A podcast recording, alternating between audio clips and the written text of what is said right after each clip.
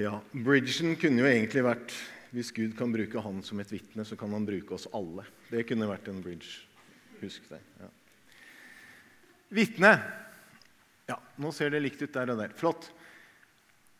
Nå har vi hørt om, om det både dere møtelederne snakket om det, det er, to, det er oktober sitt tema. Og hva står det egentlig her? Altså står det her sånn med ja, Vitne, det er forkynne, det er tale vi har hørt eksempel på, gateevangelisering. Eh, og vi ser et lovsangsteam som står her oppe. Det er vitner. Hvis du ser Wikipedia, så står det et vitne er en person som gir en forklaring om hva han eller hun i et visst tilfelle har sett, hørt, tenkt, ment, følt eller sagt. Det underbygger jo egentlig det å tenke at vitne det er de som forteller om hva de har sett, hørt, tenkt, sagt. Det er noe mye, enda mer enn det for oss. Også Mathias var inne på det. det der å, han kan jo ikke gå rundt og vitne på lommebok. Men det der å være Mine barn Noen av dere kjenner både min kone og mine barn. Når, når, og de vanker i disse lokalene, de òg. Når dere møter de, så går de egentlig ikke så ofte rundt og sier 'jeg har det bra hjemme'. Eller 'jeg, eh, jeg har det bra med Rune'. Altså, når, når, dere snakker med Janne, så Ja, og for øvrig så har jeg det bra med Rune. Eh, det blir jo ikke det. Altså, det er jo ikke det hun gjør. Jeg håper, og jeg, jeg bare lever med den villfarelsen hvis det ikke er sant eh, Men jeg tror det at når dere ser mine barn og ser min kone så gir de uttrykk av at de har det godt hjemme. At vi har det godt sammen. Det går egentlig an å se det på dem. Og så Noen ganger, hvis en av dem kommer overstadig lykkelig inn i en vennekrets, la oss si Silas, da, og du ser at det stråler av hele mannen, hva gjør det med oss da? Jo, da ønsker vi å spørre hvorfor er du så glad i dag. Hva er det som har skjedd med deg? Jeg har ikke sagt et ord. Og så kan han fortelle jo, dette har skjedd. Jeg har fått en Ja, han får ikke så mye av far sin. La oss si jeg, jeg har fått være med far på slalåm. Noe som han heller aldri har opplevd. Antagelig. Men det er ikke det at han har vitnet om noe, men det er hans væremåte som har gjort det. Og da utvider vi vitnebegrepet, dere. Fordi at det, det sitter flertallet av oss sitter og tenker at jeg er ikke bygd for dette. Og det jeg tar fra dere da, er nemlig en unnskyldning for at dere ikke er vitner. For dere er vitner. Vi vi skal se på det litt mer nå når vi, når vi går inn i, i, Bibelen. her sånn. Vittner ikke, Det er ikke et ord som har blitt sagt der, men likevel så har de vitnet. Og de har skapt en interesse. På den måten kan vi også i våre liv vitne om Jesus med hvordan vi er. Hvordan vi oppfører oss, og hvordan vi tar andre valg enn andre gjør. Vi snakker om å være farget av den vi tror på, på alle vis. Farget av Jesus. Og en høy integritet der Jesus fyller oss i hverdagen og på den måten viser seg blant menneskene.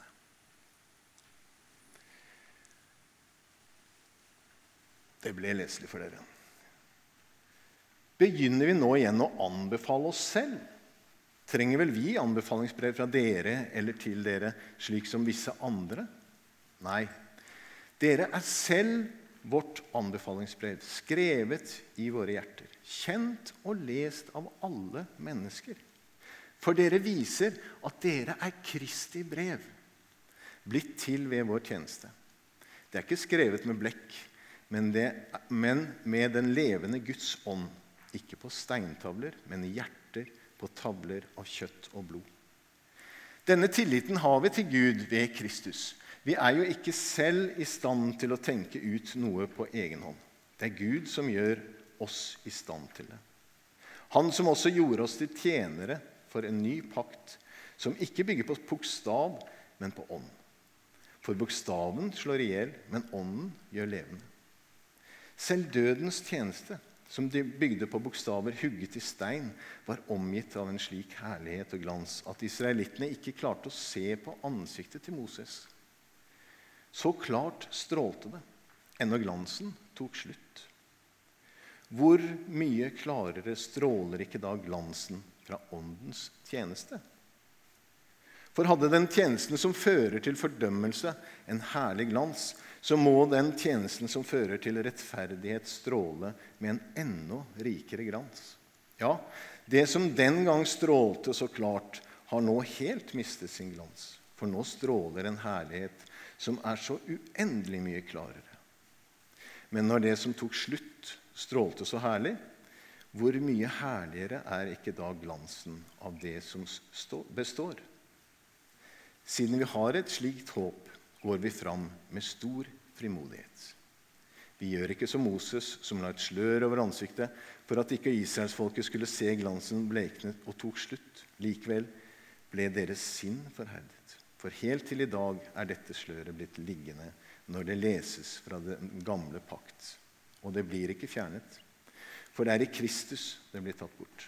Ja, også i dag ligger sløret over deres hjerter, og hver gang det blir lest fra Moseloven. Men når de vender om til Herren, så blir sløret tatt bort. Herren, det er Ånden.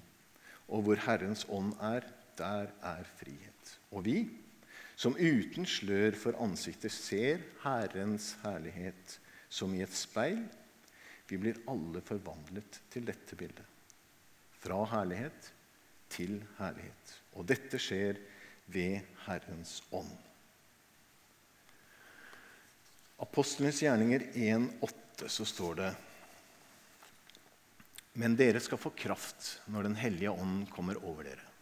Og dere skal være mine vitner i Jerusalem og hele Judea, i Samaria og helt til jordens ende. Det fortelles om en zoologisk hage som hadde en kjent, svær silverback gorilla. Dere vet hvordan de ser ut? ikke sant? Det er de der vanvittige med grå rygg. Det var trekkplasteret i dyrehagen. Folk kom i hærskarer for å se på denne vanvittige silverback-gorillaen. Så døde den, og det ble krise i staben.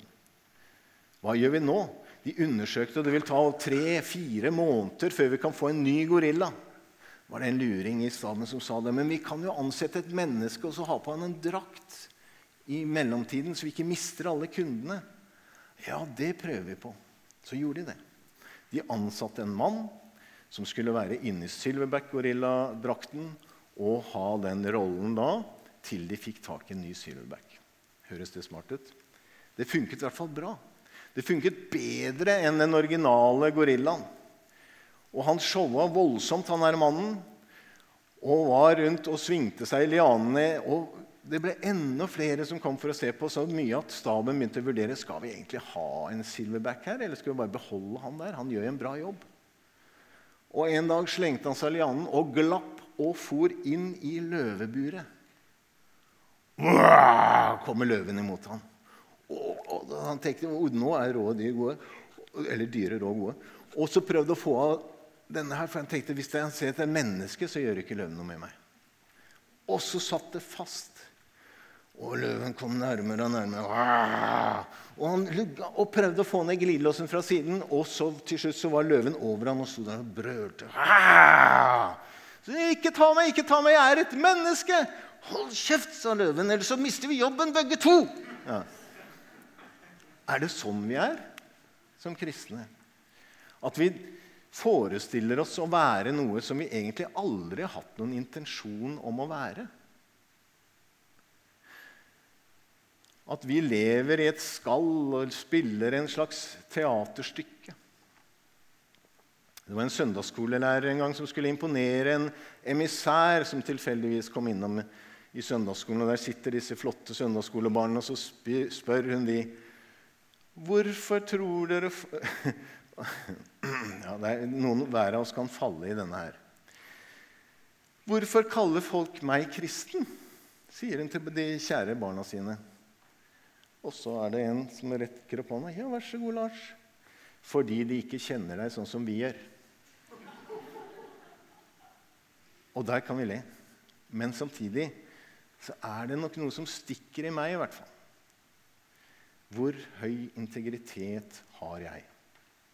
Er det slik fatt med meg at jeg er en person her inne, og så er jeg noe helt annet der ute?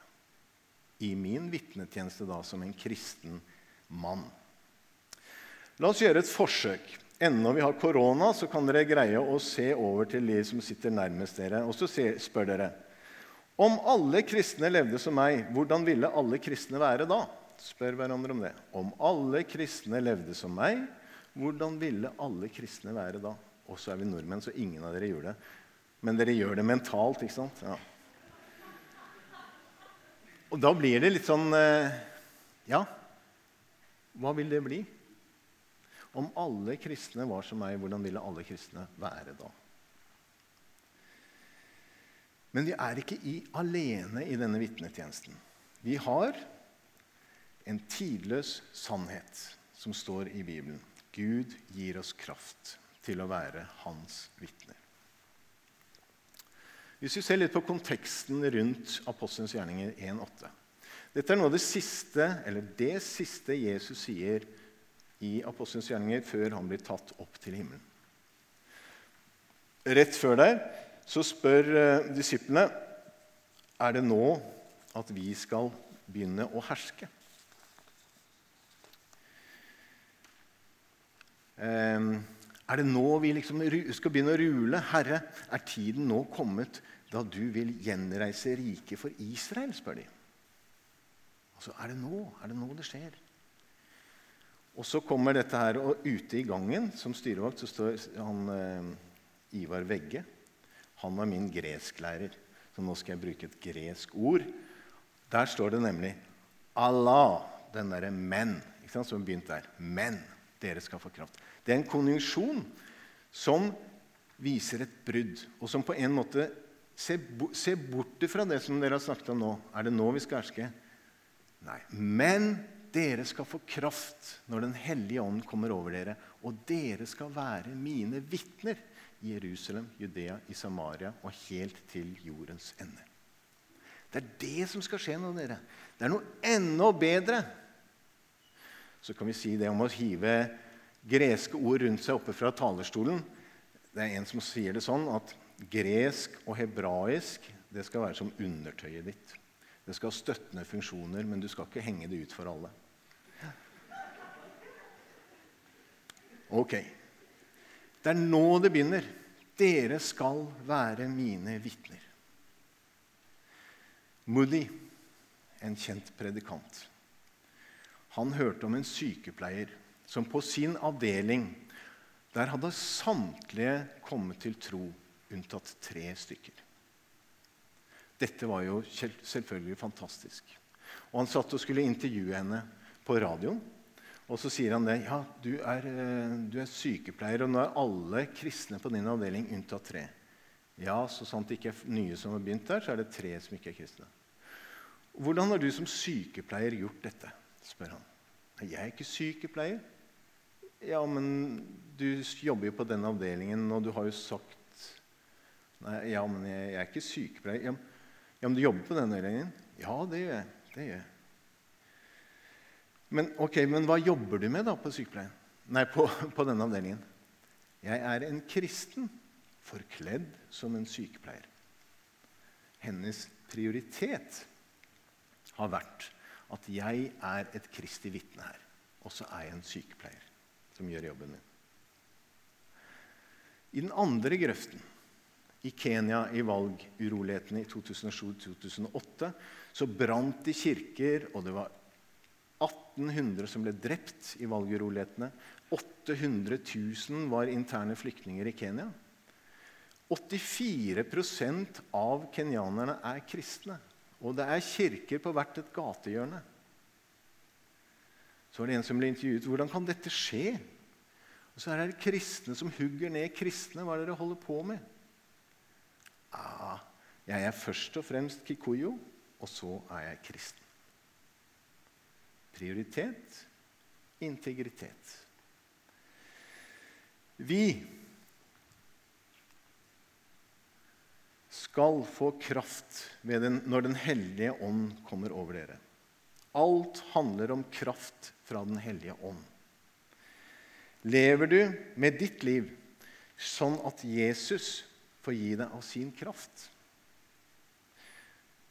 Vi snakker om de fire benene Bibelen, lese i Bibelen, bønnen og be til Gud. Brodersamfunnet å møte sammen med kristne og oppmuntre hverandre og styrke hverandre. Og brødsbrytelsen, nattverden. Det er viktige elementer for å få kraft. og leve nær Jesus. Da jeg var liten, så vokste jeg opp i et sted som heter Haidon. Eh, min far jobbet mye blant datogene på den tiden. Og på den tiden så levde de veldig enkelt. De var nomader. De gikk i skinnklær, og de levde i hytter som var sånn flate eh, for at de ikke skulle vært så synlige på lang avstand. Og mørke inni, og ikke noen vinduer, for det var trussel, trusler utenfra fra andre som drev med kveg. Og Med jevne mellomrom så kom disse til, på besøk til oss på Haidon. Og da kommer de med spydene sine og med kjeppene sine. Og så satt de en gang bak i hagen og snakket sammen.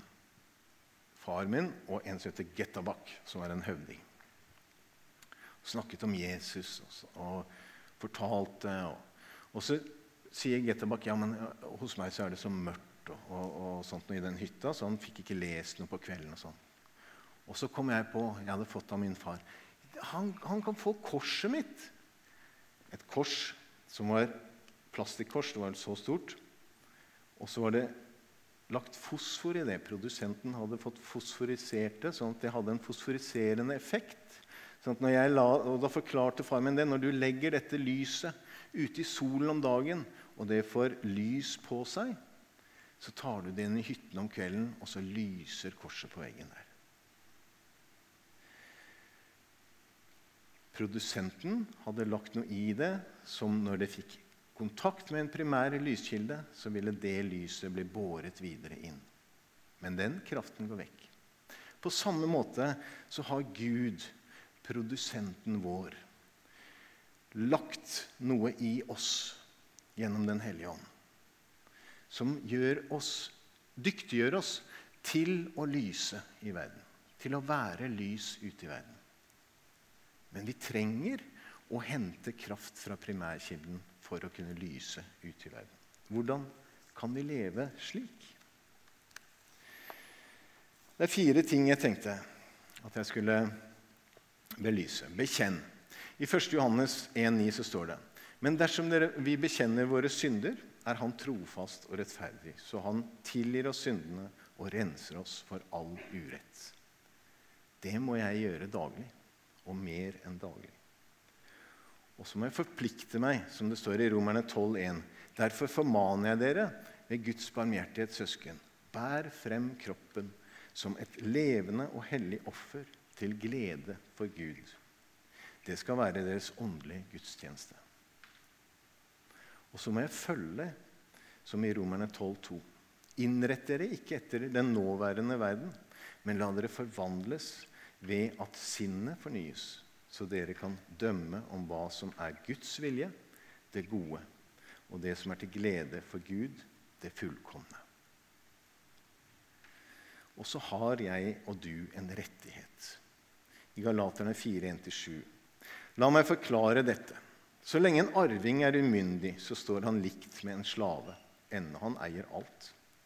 Han står under formyndere og forvaltere helt til den tiden hans far har fastsatt. Slik er det også med oss. Da vi var umyndige, var vi slaver under grunnkreftene i verden.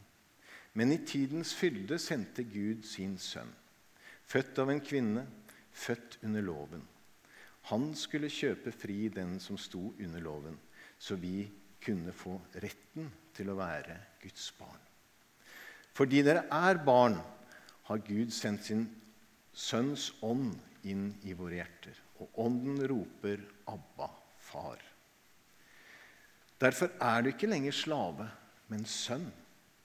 Og er du sønn, så er du også arving, innsatt av Gud. Det gjelder oss. Gud har bruk for deg i Norge. Gud har bruk for deg i verden, hele verden. Det står jo i Matteus 24, 14, og dette evangeliet skal forkynnes for alle folkeslag, og så skal enden komme. Gud har bruk for deg på studiestedet, sitt, studiestedet ditt. Gud har bruk for deg. Han har kalt oss mennesker til å være hans vitner, ikke englene. Oss mennesker. Lev så nær Jesus at hans lys fester seg litt på deg så du kan være ute og lyse blant dine venner. Så tenker jeg at vi tar tre minutter nå. Ta gjerne fra mobiltelefonen deres og den der, hvis dere har sånn notislapp på den eh, mobilen. Og så sitter dere litt i bønn i ja, tre minutter. Og så tenker dere på at det er én spesiell person jeg skal be for nå fremover. Og så gjør dere det og forplikter dere litt på å be for denne ene spesielle personen. Det er ett menneske eller en vennekrets som jeg ønsker å prioritere nå å være sammen med for å være et vitne. Skriv opp de.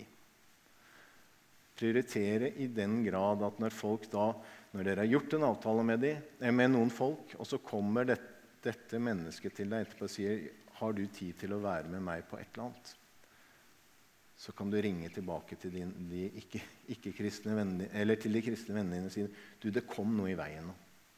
Jeg må ut med, med en annen. Og så skriver dere opp en aktivitet eller sted dere ønsker å være for å være som et vitne. Ved å skrive dette ned, dere, så kan dere lettere begynne å prioritere tiden i livene deres. Tiden Hvem bruker dere den med? Hvordan bruker dere tiden deres? Og tenk hele tiden på det at vi er hans vitner. La oss be sammen. Kjære allmektige Gud. Takk for at du har gitt oss din Hellige Ånd. Og takk for at du gir oss kraft til å være vitner.